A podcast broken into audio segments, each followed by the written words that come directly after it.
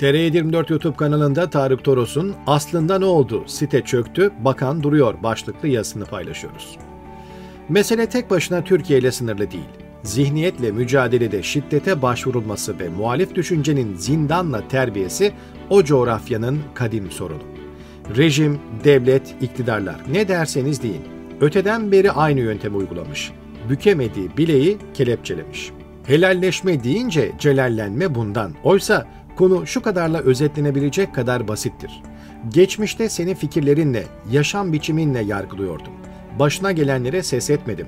Hatta oh olsun dedim, hakkını helal et. Bir örnek de şudur. Geçmişte kimi devlet uygulamalarını savundum. Siyasi görüşüm sebebiyle gerçeklere gözlerimi kapadım. Körlüğüm kayıplarını telafi etmeyecek biliyorum. Bağışlanma dilemiyorum. Cehaletle mücadele ve aydınlanma henüz başlıyor. Bir de yüzleşme var. Yüzleşme olmadan helalleşme olmaz. Helalleşme olmadan yüzleşme olur. Kemal Kılıçdaroğlu helalleşme deyince tabanı bozurdadı. Altını çizdiği iki şey vardı. Ülkemiz yaralı insanların ülkesi. O kadar ağır yaralarımız var ki ruhlarımız acı çekiyor. Büyük bir konuşmaydı bu. Ne çare?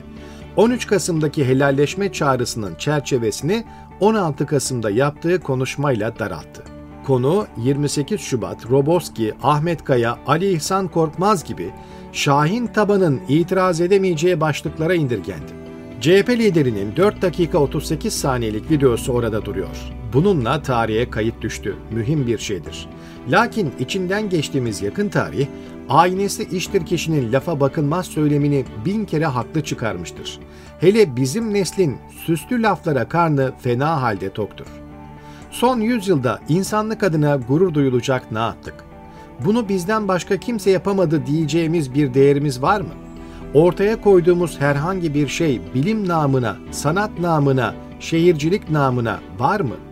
Teknoloji ve uzay konularına hiç girmeyelim isterseniz.